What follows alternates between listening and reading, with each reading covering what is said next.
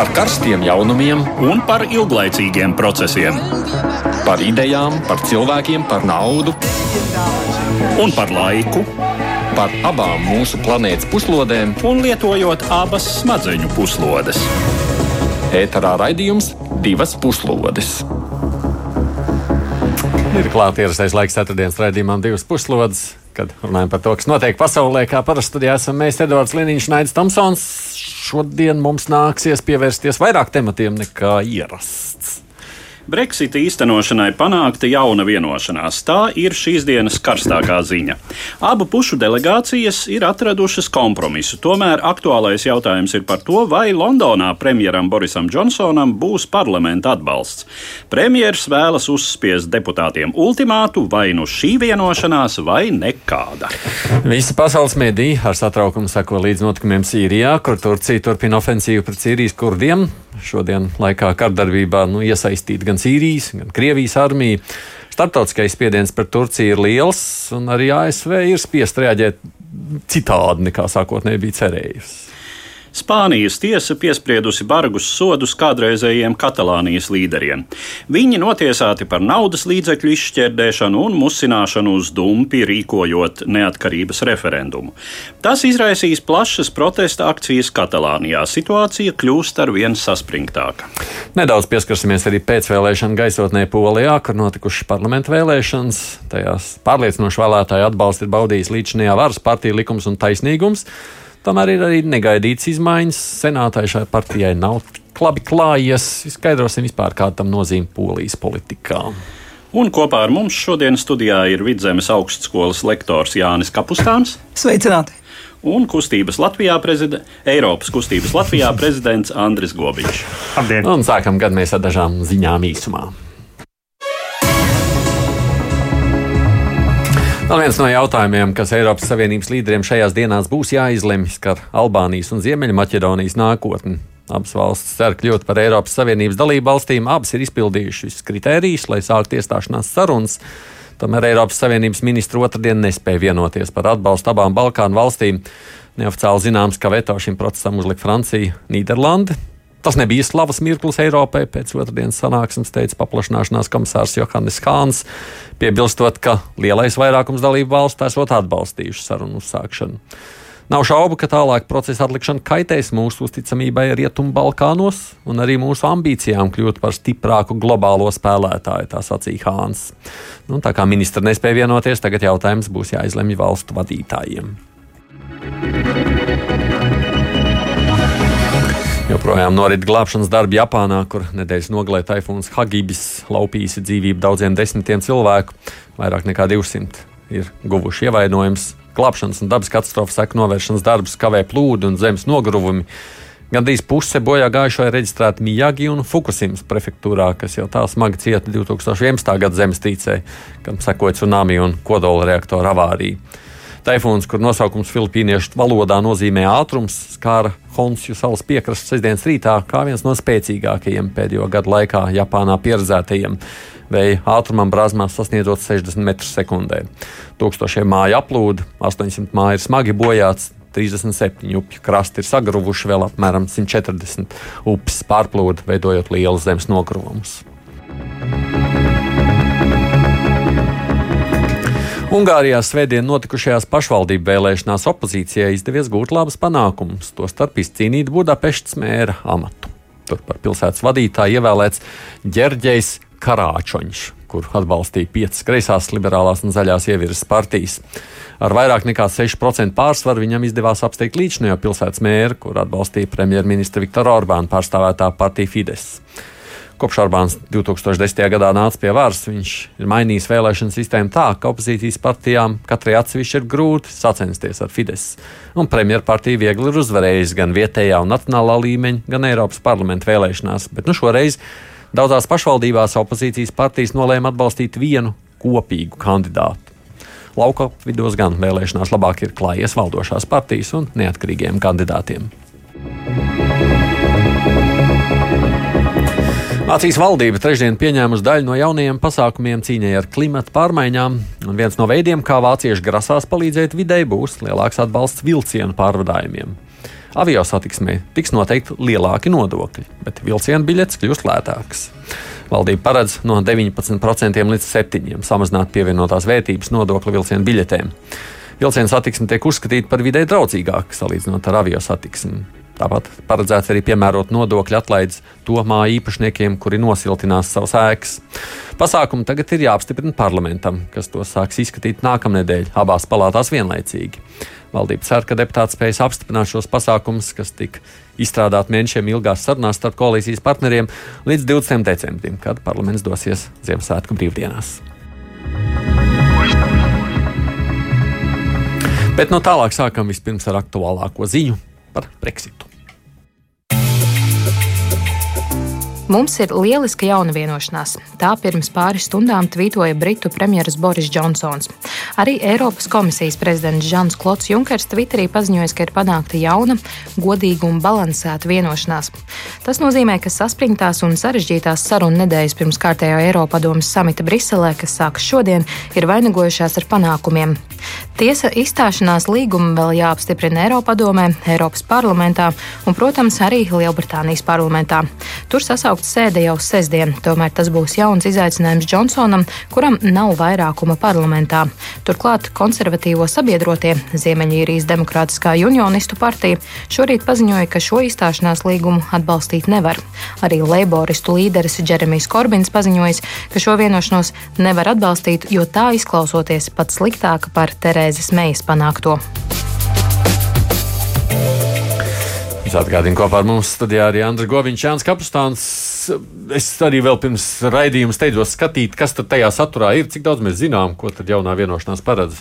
Nu, klausoties preses konferences, kas bija notika pirms stundas uh, Mišela Barņē vadībā, ieskicējās tie galvenie, tās galvenās izmaiņas, kas ir uh, saistībā ar, ar Brexit izstāšanos. Uh, Eh, galvenais, kas bija Britu kritika, bija tas, ka viņi negribēja tā saucamo backstopu vai arī tā, to līgumu sadaļu, kas noteica, ka Ziemeļīrijas un īrijas savstarpējā robeža eh, nevar tikt mainīta bez abpusēju piekrišanu, Lielbritānija to uztvēra kā Uh, iejaukšanos Lielbritānijas lietās, jo bez Eiropas Savienības piekrišanas, tā sakot, nebūtu bijis iespējams tur starptautiskus līgumus slēgt vai, vai, vai citas lietas.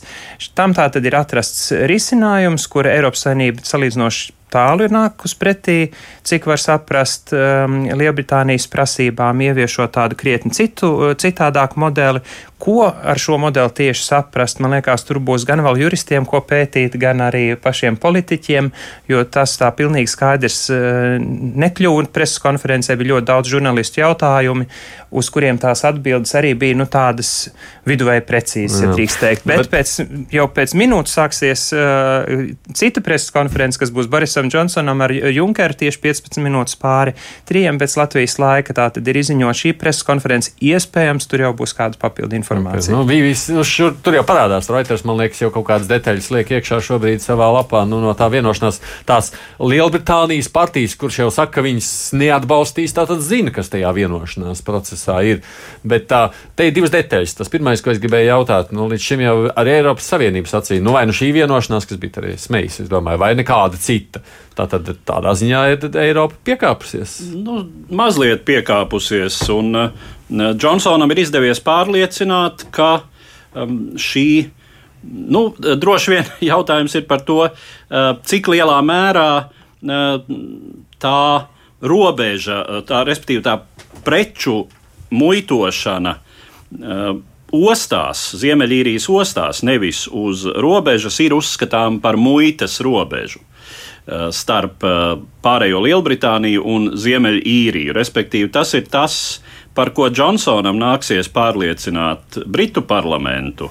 Tas tā īsti ko nav. nozīmē. Ko nozīmē? Jā, palīdziet man saprast, ko nozīmē, ka preces tiek muitotas ostās. Man ne, ātrumā nepieliec. Ļoti daudz, un salīdzinoši it kā skan ļoti tehniski tie jautājumi, bet viņiem ir ļoti konkrēti ietekmi uz cilvēku dzīvi. Tātad šī preču robeža vai preču muitošana ir jautājums tātad vai Tanī brīdī es uz īriju, no Ziemeļīrijas braucu uz īriju vai otrādā virzienā, vai man uz robežas pārbauda pasi, dokumentus, cigaretes, nezinu, ko es citur varbūt tās vedu pāri robežai, jā vai nē.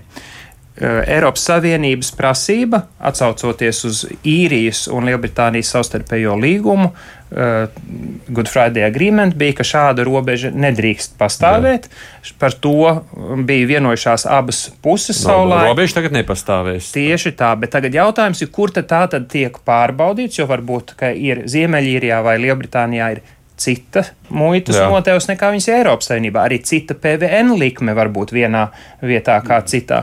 Un tieši par šīm lietām tā tad runāja, lai negadītos tā, ka it kā tās robežas e, nav, bet tagad viena vai otra puse to sāktu savā labā izmantot.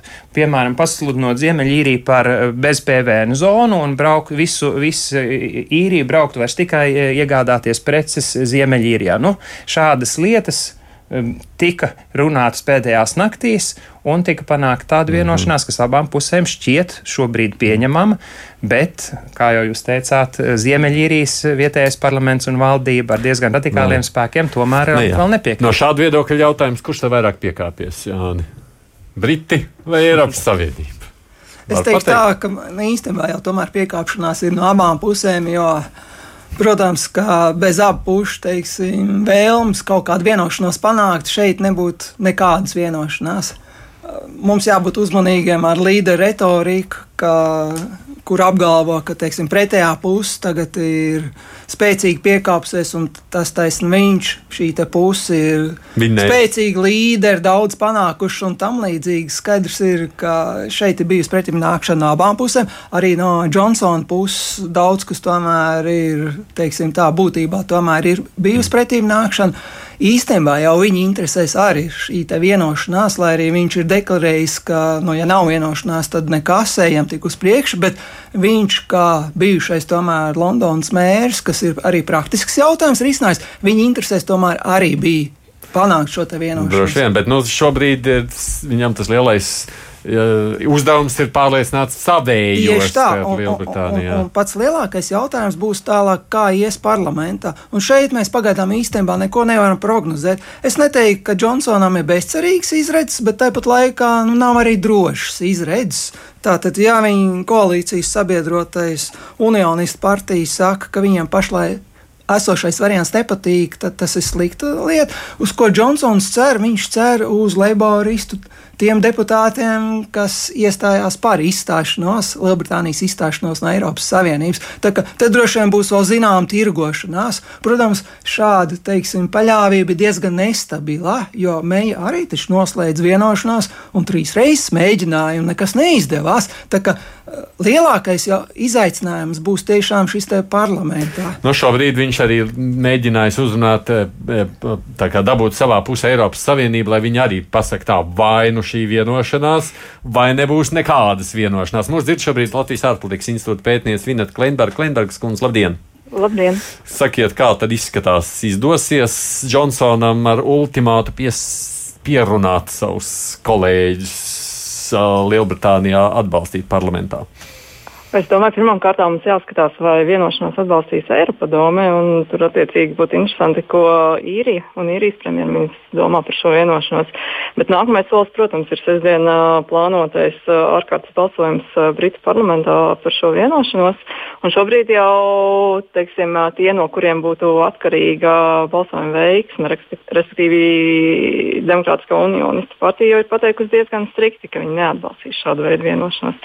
Līdz ar to jautājums, ko viņiem piedāvāt, kā piedāvāt, kā šo vienošanos panākt, tas, eh, tas ir atklāts. Bet uh, tīri par pašu vienošanos, uh, es domāju, ir ļoti daudz atvērtu jautājumu joprojām. Tīri par to praktisko pusi. Labi ir panākt vienošanās par to, ka, ka Ziemeļīrija paliek tā saucamajā Eiropas Savienības preču aprits zonā, bet uh, nepaliek muitas savienībā.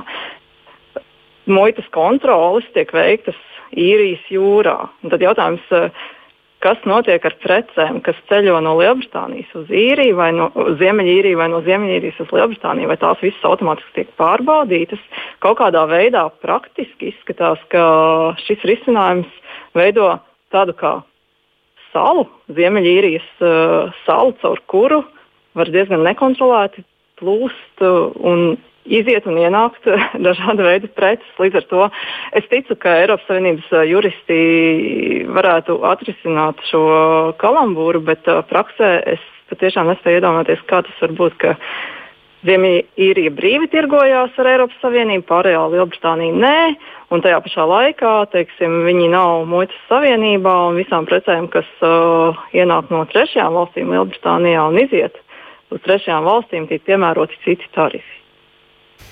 Labi, paldies. Vineta Kleinberga. Es īsi visiem runāju. Latvijas atpūtas institūta pētniece ir, man kolēģi saka, ir premjeras tikko sacījis, ka esat, viņš gatavs atbalstīt šo vienošanos. Tas nozīmē, ja īri atbalsta, tad jau pāriem man nevajadzētu būt iebilžu jā, tik lielu. Ir, jā. Jā. Nu, e, pārējie skatīsies uz to, vai, vai nav tas, ko, ko drusku Vineta iezīmēja, ka, ka pēkšņi arī caur īriju var plū, ieplūst pārējā Eiropas Savienībā -hmm. kaut kādas e, ne, bez muitas apliku, apliktas preces. Tas viltīgais formulējums, kas tanī līgumā, cik, cik varēja saprast, ir, ir, ka preces, kam ir risks nonākt Eiropas Savienības teritorijā, kā viņi šo teikumu piepildīs, nu, tad tām ir jāuzliek jau iebraucot Ziemeļīrijā šīs, šīs muitas, kā tas tiks pildīts ar reāliem darbiem. Nu, tur būs juristiem krietnes darbiņš. Nu, tas, ko Džonsons ir teicis, ka šobrīd tās preču plūsmas, kas caur īriju un ziemeļīriju nonāk Eiropas Savienībā vai otrādi, ir samērā nelielas. Nu, kā tas arī varētu būt? Nu. Īrija no. nav tas aktīvākais tranzīta punkts, bet, ja tur parādās spraudziņas, mēs ļoti labi zinām, Cik kā, mēdz, kā mēdz plūst Jā. dažādi. Mūs tie noteikti mācētu viņus aizpildīt. Nu, baidos, ka jā. nu, tur pietiekami daudz latviešu at, atjautīgi. Eh, runājot savu citu par eh, atgriežoties pie eh, Londonas un tā balsojuma, kas tur būs, cik daudz tomēr šis te. Nu, katrs jau rēķina beig beigās, kas notiek, ja neatbalsta sestdienu. Nu, kā tur ir tie plusi un mīnus, cik tā, tā, nu, tā tas Damoklis Zobens sakot, nu tad ir viss, tad mēs nav deal. Nē, tad jau nav no deal, jo tad stājas spēkā uh, Lielbritānijas parlamenta tā, balsojums, ka ir Džonsonam jāpieprasa uh, pagarinājums. Viņam, viņam jāpieprasa pagarinājums, mēs tur runājam ar kolēģiem. Viņš... Viņam jāpieprasa pagarinājums tad, ja viņš nevar panākt vienošanos. Viņš vienošanos ir panācis. Nu, gan jau viņi atradīs, eh, arī Citu parlaments formulējumu. tur nav mazais bērns, un, un gan viņi atradīs formulējumu. Vispār interesants, interesants punkts.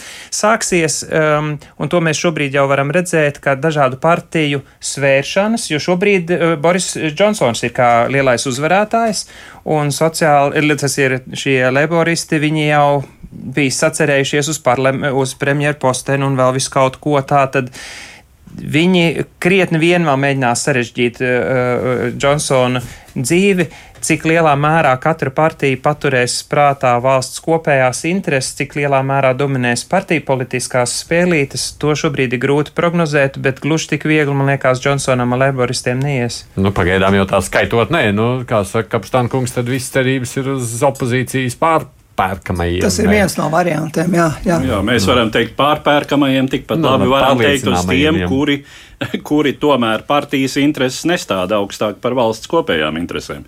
Jo nu, no deal tas eh, visiem ir skaidrs, nav īsti eh, Lielbritānijas interesēs. Eh, tāpat nu, jā, jautājums par kārtējo termiņu atlikšanu Tas ir laikam, ne, nu, tas tā kā tiek mēģināts laikam, nosvītrot kā opcija. Nē, nu, skaidrs, ka visi jau ir noguruši jā. no šīs nebeidzamās nevending sāgas un tādā ziņā, ka tomēr ir ieinteresēti nu, kaut kādā veidā šo jautājumu atrisināt. Un, ja mēs skatāmies uz laboristiem, tad ir jautājums, cik stingri viņi savas partijas disciplīnu ievēros. Skaidrs, ka viņiem, kā opozicionāriem, viņi tad balsotu pret. Tāpat laikā nu, arī laboristiem daļa taču ir ļoti pārliecināta eiroskeptiķi, kas grib, lai beidzot Lielbritānija iziet ārā. Ārpus Eiropas. Gan jau mēs nākošajā reizē turpināsim šo tēmu, jo nu, viss nākošajās dienās vēl tikai attīstīsies, un mēs sekosim tam līdzi. Pasaules mediju uzmanību savukārt pievērst ir notiekošajam Sīrijā. Turpinām par to. Tas paliks vēsturē kā apkaunojums, kā kauna traips amerikāņu reputācijā uz desmit gadiem. Tā laikraksts The Washington Post citē anonīmu Savienoto Valstu armijas virsnieku, kurš pēdējos gados dienējis Sīrijā izvietotajos amerikāņu spēkos. 9. oktobrī Turcija uzsāka plašu iebrukumu Sīrijas ziemeļaustrumu rajonos, kurus pēdējos septiņus gadus kontrolē Sīrijas demokrātiskie spēki - kurdu militārais grupējums, kuru Turcija uzskata par teroristisku organizāciju. Tas notika pēc tam, kad Savienoto Valstu prezidents Donalds Trumps paziņoja par reģionā izvietoto amerikāņu spēku atvilkšanu.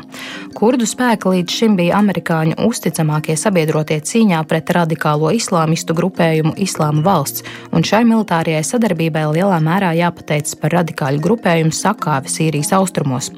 Pašreizējo amerikāņu rīcību kurdi atklāti dēvē par nodevību, un šim viedoklim piekrīt arī daudzi Vašingtonā, ne tikai prezidenta Trumpa politiskie pretinieki, bet arī armijas un spēcdienestu profesionāļi. Pie tam šķiet, ka Turcija met nepārprotamu izaicinājumu savam strateģiskajam partnerim. Turku spēku sastāvā operējošās Sīrijas kaujinieku vienības bloķējušas galveno transporta maģistrāli, kas savieno Sīrijas ziemeļa austrumos dislocētos amerikāņu spēkus ar to bāzēm Irākā. Vismaz vienā gadījumā turku artilērija apšaudījusi amerikāņu vienību dislokācijas rajonu, un amerikāņu militāra personas uzskata, ka tā nav bijusi tikai nejaušība, bet gan mājiens, ka viņiem labāk aizvākties un nemaisīties pa kājām. Tāpat šķiet, ka Turcija varētu neievērot sākotnēji deklarēto operācijas mērķi, izveidot 30 km platu drošības joslu gar savu robežu un virzīties dziļāk Sīrijas teritorijā, cenšoties galīgi sagraut Sīrijas demokrātiskos spēkus. Kurdi jau nodēvējuši Turcijas rīcību par genocīdu. Turku uzbrukuma dēļ savas dzīves vietas jau pametuši apmēram 130 tūkstoši civiliedzīvotāju. Sociālajos tīklos parādījies Turcijas atbalstīto kaujinieku uzņemts video, kurā viņi nogalina kādu sagūstītu kurdu. Sāk apstiprināties bažas, ka no kurdu ieslodzījuma vietām varētu izbēgt bijušie islāma valsts kaujinieki un atbalstītāji. Tiek ziņots, ka nepilni 800 ar šo radikālo organizāciju saistītu personu jau izmukuši no kādas apsargātas nometnes. Tikām kurdu līderi jau panākuši vienošanos ar Sīrijas valdības spēkiem par kurdu līdz šim kontrolēto teritoriju nodošanu Asada režīma rokās. Vašingtona jau paudusi nosodījumu Turcijas rīcībai Sīrijā. Prezidents Trumps devis rīkojumu ieviest sankcijas pret Turciju, paaugstinot tarifus turku tērauda importam, pārtraucot arī sarunas par 100 miljardus vērto tirzniecības līgumu un pakļaujot sankcijām vairākas Turcijas amatpersonas. Tāpat pārtrauktas vairāku ieroču veidu piegādes Turcijai un līdzīgus ierobežojumus ieviesušas arī vairākas citas NATO valstis. Šīs sankcijas gan tiek dēvētas par pārlieku maigām un maziedarbīgām.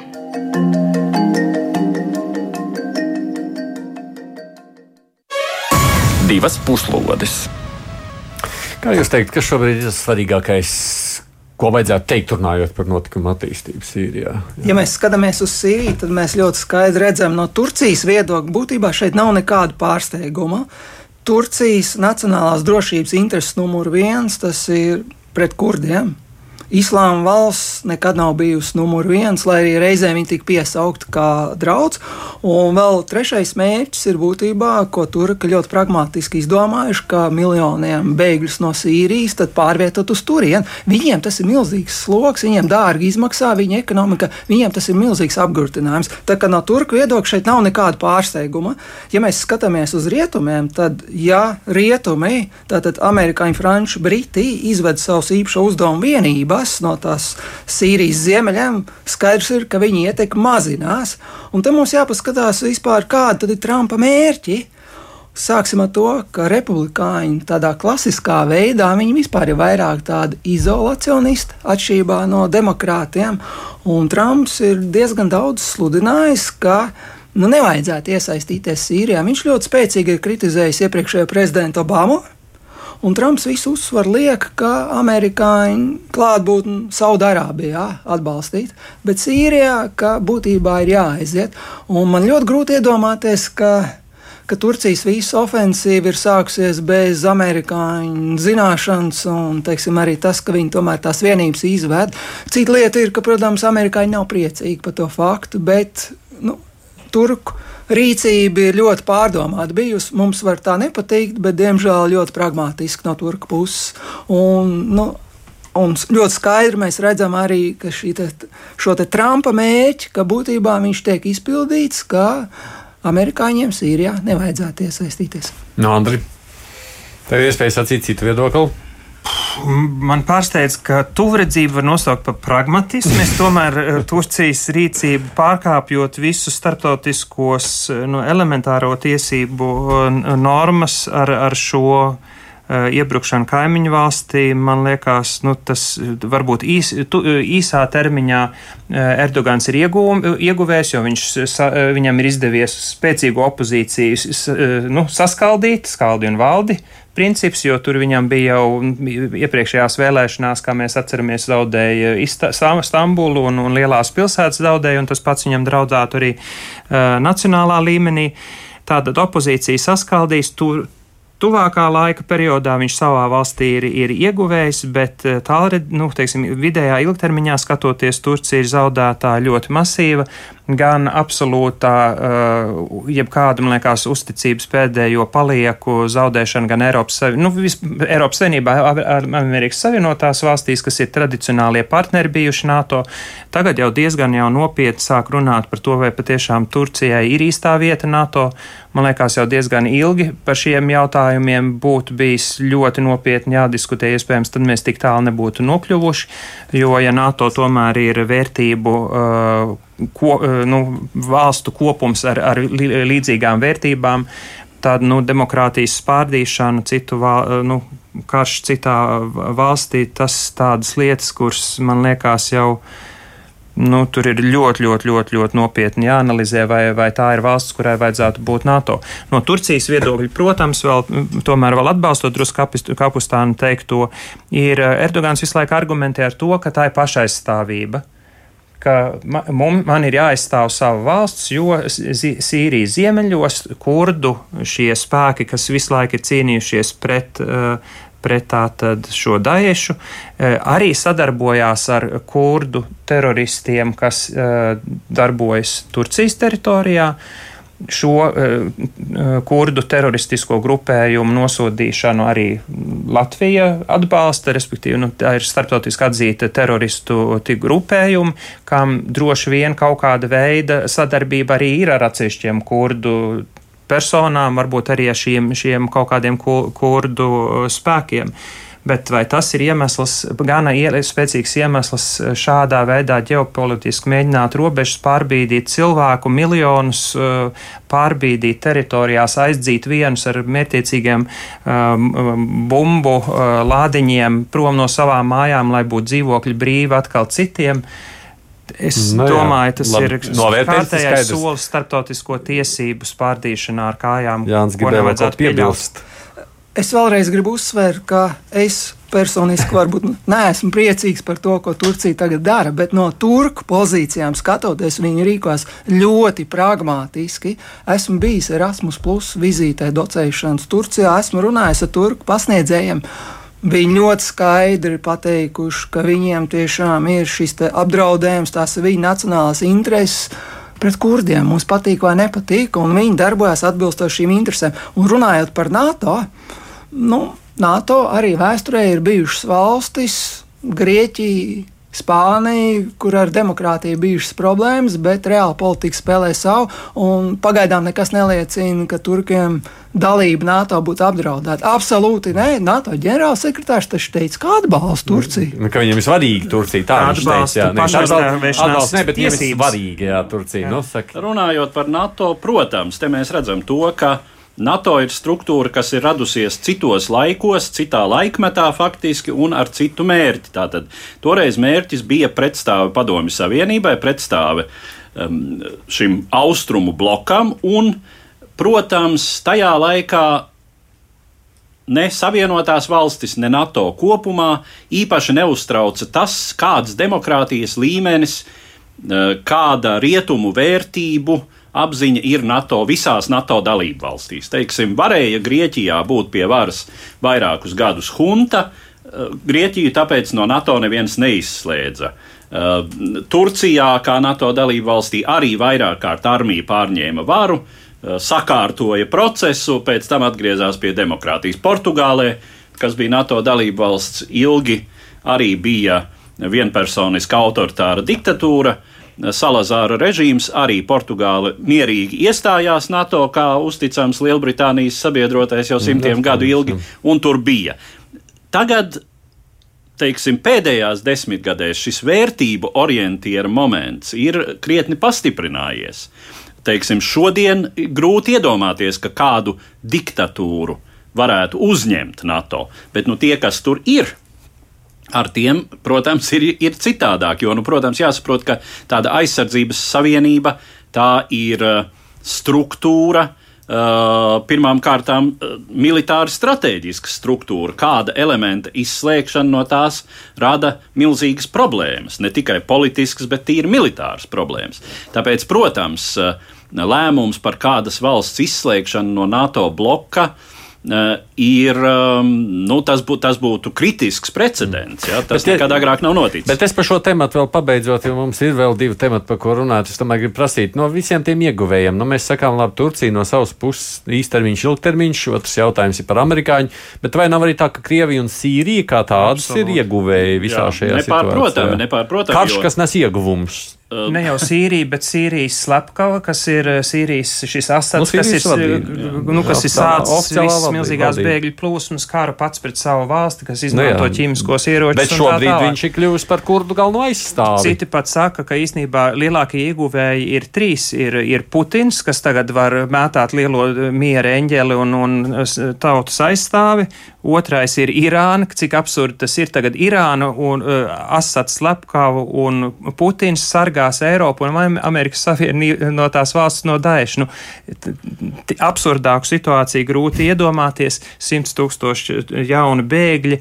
Nu, nu, katram redz savus intereses un katrs šādā veidā. Nu, Nu, jā, tā ir, tā ir uh, pilsoņu kara situācija, kurā šādas uh, teiksim, sabiedroto maiņas un uh, intereses, uh, kad katrs būtībā ir par sevi, Eh, nu, tā ir eh, ļoti bieža situācija šādos konfliktos, bet, protams, ka Turcijas rīcība ir bezatbildīga ne tikai vispār eh, kaut ko tādu darot, bet arī detaļās, jo, piemēram, kara darbībā ir iesaistīta ne tikai Turcijas armija, bet arī šīs tās augtās turku sabiedroto vienības, Eh, kas ir Sīrijas nemiernieki, kurus Turcija vienmēr ir atbalstījusi, daļai aiz etniskiem apsvērumiem, jo tur ir uh, Sīrijas turki šajās vienībās, bet runājot par šīm vienībām, uh, tajās radikālajam islāmam ir arī diezgan liela piekrišana. Mm. Un tas Turcijas valdību tā kā īsti nemulsina. Ja?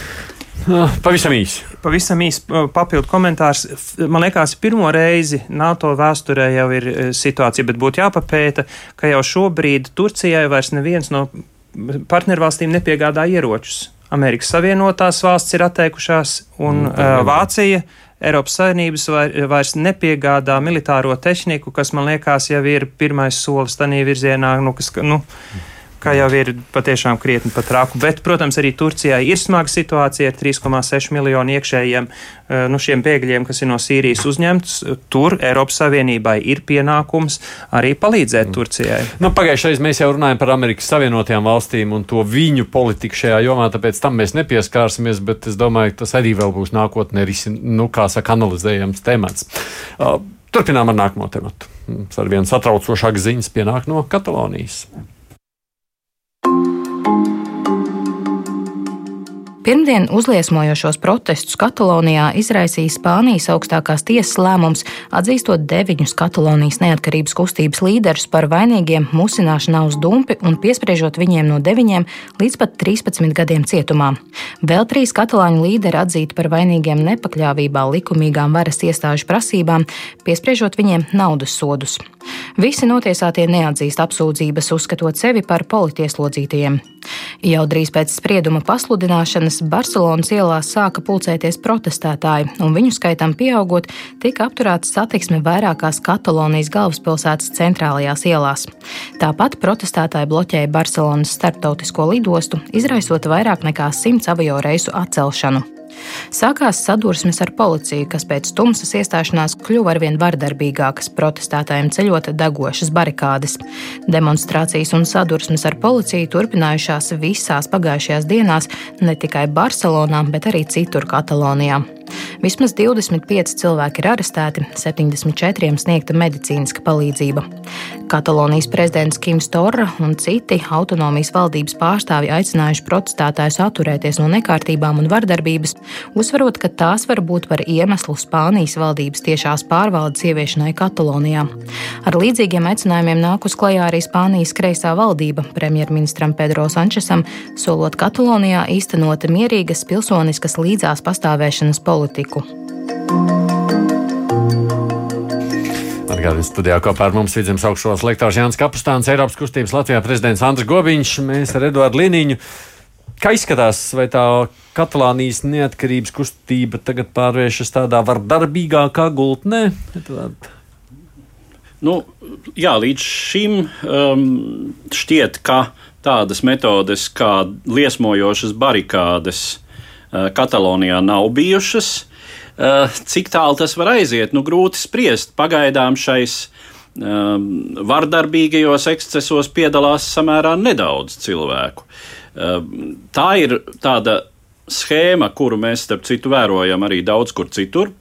Nu, pēdējās, teiksim, varbūt pēdējā desmitgadē, kad uh, lielākā protestētāju masa uzvedas mierīgi, Uh, un tad lielākoties tas ir uh, tā ir robeža starp dienu un nakti, kad, kad iestājas dienas tumšais periods, tad sāk, sākas uh, postīšana, tad sākas mašīnu dedzināšana, uh, liesmojošas barikādes, kur jau arī uh, šādu ekscesu veikšanai nav vajadzīgi cilvēku tūkstoši, un to dara atsevišķi.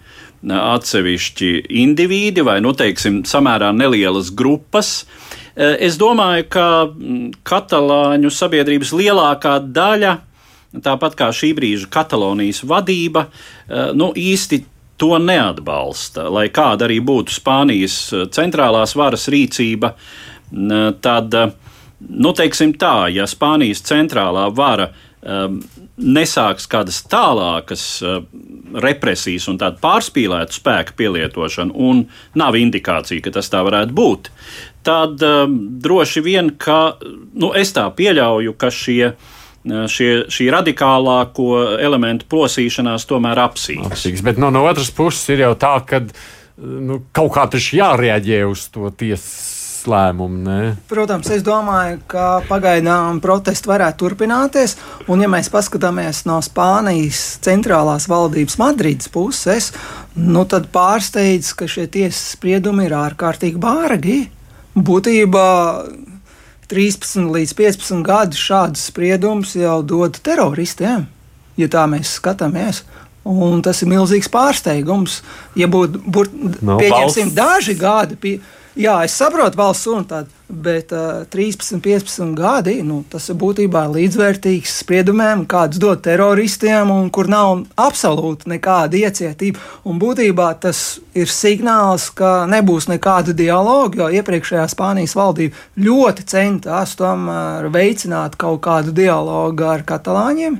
Mm -hmm. Un būtībā tas process tagad ir beidzies, un es, Tas protams, neesmu gājis. Tagad, nu, jāsaka, es, es pieņemu, ka te var arī protesti palielināties. Jā, bet, bet no, man jāsaka, ka Spānijā pastāv varu dalījums, kā demokrātiskā valstī. Un tiesas spriedums ir kaut kas viens, un valdības politika kaut kas cits. Uh, var jau pieņemt, ka ir zināma savstarpēja ietekme, uh, un ka nu, teiksim, tiesnešu lēmumam ir zināma politiska motivācija, bet eh, nu, nevar teikt, ka tā ir nu. Spānijas pašreizējās valdības. Nē, nu, politika, jau likums no, kā tāds ir tas, nu, jā, nu, likums, protams, ir bargs. Ja, eh, ja, Uh, ir uh, musināšana uz dumpi. Uh, nu, Latvijas likumdošanā, cik uh, es zinu, šāda formulējuma. Uh, tieši tādu formulējumu nav. Es ļoti atvainojos. Latvijas gadījumā bija taču Rubiks notiesāts, un vai tad Gapaņēnko kāds dot 15 gadus, taču ne. Bet te nāca vēl klāt nu, līdzekļu izšķirdēšana, kas bija tā, nu. nu jā. Nē, no, tajā, bet tajā gadījumā, ja Ušakovs, piedod, piedodiet par šo analoģiju, kas ir ļoti uh, vulgāra ja, un, un tāda primitīva, bet ja, piemēram, partija, um, partija saskaņa Latgalē noorganizētu referendumu par atdalīšanos no Latvijas, tā vai citādi, vai teiksim, ka, pat kaut kādu autonomijas statusu, kas, kas likvidētu Latvijas kā unitāras valsts principu, nu, tad es domāju, ka tur varētu būt diezgan smagi spriedumi. Ja? Bet Alfredam Rubikam bija nu, cik nu, seši gadi un mazāk viņš. Jā, bet, saka, bet jā. tā bija nebija, tajā, tajā brīdī, tā, tā bija tomēr drusku cita situācija, no, kurā darbojās saka. Alfreds Rubiks. Man ir trīs komentāri un viens tāds plašāk konteksta eh, vērtējums, ja tā drīkst. Pirmais ir, man liekas, eh, katalāņi tiešām ir izteikti eh, miermīlīgas pretestības piemērs. Viss līdzšinējais, visa līdzšinējā darbība no katalāņu puses ir patiešām pelnījusi apbrīnu, cik mierīgi, miermīlīgi viņi ir iestājušies paši par savu neatkarību. Šī ir viena no tautām Eiropas Savienības teritorijā, īstenībā, starp citu, negribu salīdzināt ar kurdiem Turcijā, Sīrijas ziemeļos un Irākā, ja, bet nu, arī kurdiem nav sava valsts. No, ja, nav savas valsts. Mēs varam būt laimīgi, ka mums tāda ir, bet nu, atpakaļ pie, pie katalāņiem tā tad ir ārkārtīgi mienmīlīga bijusi visu un ļoti ilgstoša šī, šī darbība. Tas, ja atsevišķi cilvēki dedzina, protams, tas ir, ir nu, likuma pārkāpums un, un nosodāmi, bet arī atkal, diemžēl, atkārtojās diezgan brutālas ainas ar, ar policistiem, ar stekiem, kas, kas klapē cilvēkus.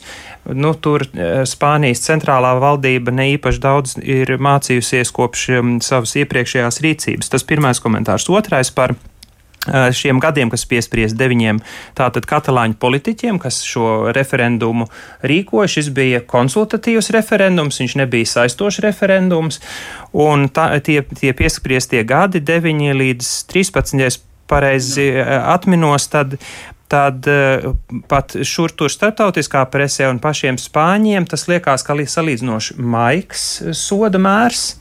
Eh, interesantā kārtā prokuratūra esot prasījusi līdz 25 gadiem šo Jā. sodu mēru, patiešām par valsts apvērsumu un kas tur bija ci, pilnīgi citi panti, kurus prokuratūra bija izvēlējusies, bet tiesa uh, piesprieda mazāk pie, pēc citiem pantiem, ko savā ziņā daži jau pat sāk tulkot kā tādu mēģinājumu drusku samiernieciski vai ļoti, nu, tā piesardzīgi arī no tiesas puses, nelējot papildus degvielu uh, liesmās spriest šo tiesu. Turklāt vēl Spānijas speciālisti specifika esot tāda. Neesmu pārbaudījis, neesmu jurists, bet eh, kā, kā jau pēc salīdzinoši īsa laika, tātad pat ja man ir deviņi gadi piespriest, es varu tādā kā brīvā, eh, brīvā režīmā pāriet, ka man tikai no pirmdienas līdz ceturtdienai ir jānakšņo cietumā, bet, un tas laikam jau pat nevis pēc puses, bet, bet laikam pēc trešdaļa nociestā soda vai, vai ceturdaļa. Nu, pēc salīdzinoši īsiem gadiem cilvēks jau īstenībā var sākt atgriezties uh, dzīvē. Tas tomēr nemaina arī atkal to lielo problemātiku, un te esmu pie plašākā konteksta. Kā rīkoties vispārīgi? Nu, ir, ir katalāņu tauta, liela daļa katalāņu tautas vēlas neatkarību. Kā to izdarīt?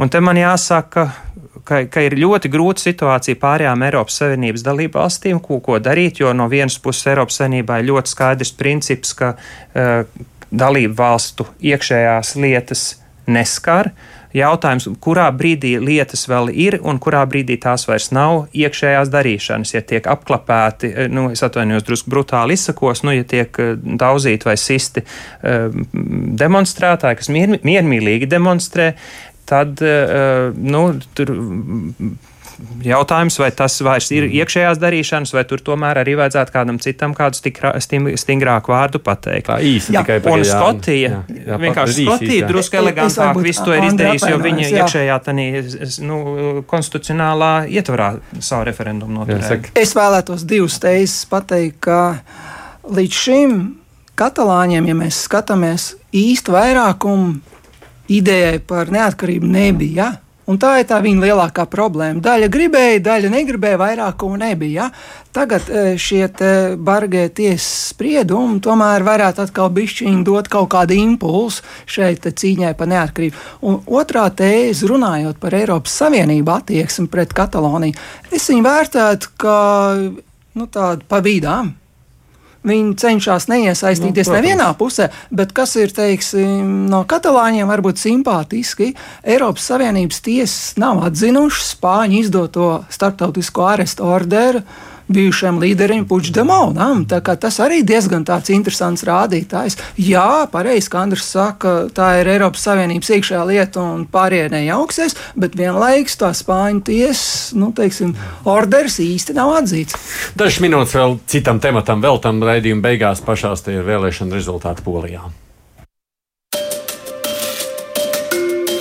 Kā jau varēja sagaidīt, vērojot priekšvēlēšanu aptauju rezultātus, Svētdien notikušās Polijas parlamenta vēlēšanas apliecināja pie varas esošās labēji populistiskās partijas likums un taisnīgums dominējošo lomu Polijas politiskajā ainavā.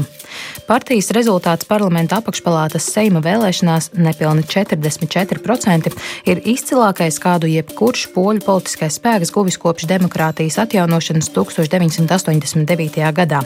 Tomēr šī ir relatīva uzvara un likuma likuma un taisnīguma vara vairs nebūs tik monolīta kā pēc iepriekšējās vēlēšanu uzvaras 2015. gadā. Izmaiņas Seima partiju struktūrā nosaka to, ka kopējais likuma un taisnīguma deputātu skaits parlamenta apakšpalātā būs pat nedaudz mazāks nekā iepriekš. Tiesa, vēl vairāk vietu Seimā zaudējas valdošās partijas galvenais konkurents - liberāla centriskā pilsoniskā apvienība. Galvenie ieguvēji no vietu pārdales ir jaunie politiskie veidojumi - apvienība kreisie un galēji labējā konfederācija brīvība un neatkarība.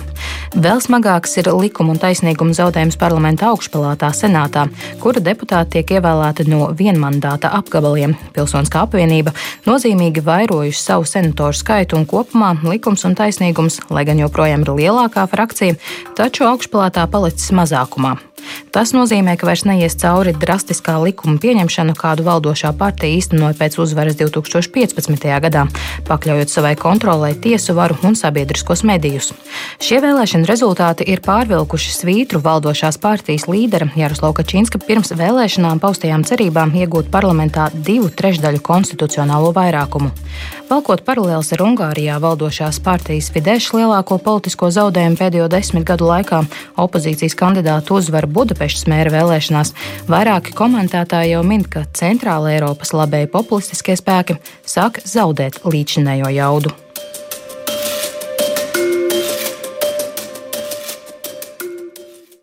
Nu, no vienas puses ļoti tāds pārliecinošs rezultāts valdošai partijai, no otras puses zaudēts vairākums senātā. Kāpēc tā ir sanācis?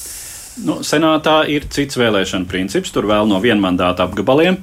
Acīm redzot, uh, opozīcijas pārstāvji ir bijuši pārliecinošāki, bet nu, vispār, uh, kā jau komentārā izskanēja, uh, šobrīd nu, teiksim, tas uzrāviens, kurš bija šai polijas valdošajai partijai, mazliet noplok. Viens iemesls varētu būt tas, ka tas, ar ko viņi 2015. gadā, motīvs, ar kuru viņi 2015. gadā guva lielas sabiedrības daļas atbalstu, proti, um, mēs sargājam Eiropu pret bēgļu invāziju, nu, un tā tad Eiropas telpu. Uh, Uh, vairs nav īsti aktuāls. Bēgļu pieplūdums Eiropā ir mazinājies salīdzinoši ar to, kas bija tās augtās bēgļu krīzes laikā. Um, un, uh, teiksim, tagad viņi ir atraduši citus uh, ienaidniekus, kas ir tradicionālo katolisko un ģimenes vērtību ienaidnieki, um, geji un lesbietes. Acīm redzot, šis motīvs tik labi nepavelk. Lai gan, protams, polijas sabiedrība ir gan konservatīva. Nu, labs, nu, kas, joprojām, bijis, kas joprojām ir aktuāli, tā ir šīs partijas ļoti dāsnā sociālā politika. Es domāju, viennozīmīgi. Uh, kas joprojām darbojas. Uh, viņiem ir ekonomiskais pamats. Tad tā ir tāda sociāla demokrātiska ideja, teiksim tā. Nē, nu tā ir. Tā Mums būtu jāpaskatās uz šie, šie pabalstu apmēru. Tātad viņi sola izmaksāt 500 zlotu, jeb 125 dolāru mēnesī ģimenei ar bērnu. Es domāju, nu, tad skaidrs ir. Ar vienu bērnu. Par katru, manuprāt. Par katru. Jā, nu, tā kā katru, jā, jā. šie pabalsti ļoti labi parāda, ka nu, ļoti daudz, kas tomēr ir salīdzinoši nabadzīgāki poļi, nu, būtu dīvaini, ja viņi nebalsotu. Nu, jā, var atļauties. Taisnīgu, jā. Varam nu, jā, kas, kas, protams, kas, protams, nav šīs partijas nopelns, jo tā polijas ekonomiskā veiksme tika būvēta jau iepriekšējo valdību laikā ar pareizu pareizu ekonomisko uh, un uh, saimniecisko politiku. Uh, un, tā kā bet, nu, un, un no te, šī pamata šo var tagad tērēt. Un šeit ir vēl viens aspekts. Es vēl gribētu izvirzīt tādu tēzi, ka opozīcijai nu nav tik spēcīga līdera. Jo, teiksim, pilsoniskai aliansei, jeb koalīcijai, nu, viņas taču spēcīgākais līderis ir Eiropā domas priekšsēdētājs Donalds Tusks. Jā, tā kā būtu būt grūti sagaidīt viņam liels panākums, ja viņa spēcīgākais līderis ir projām.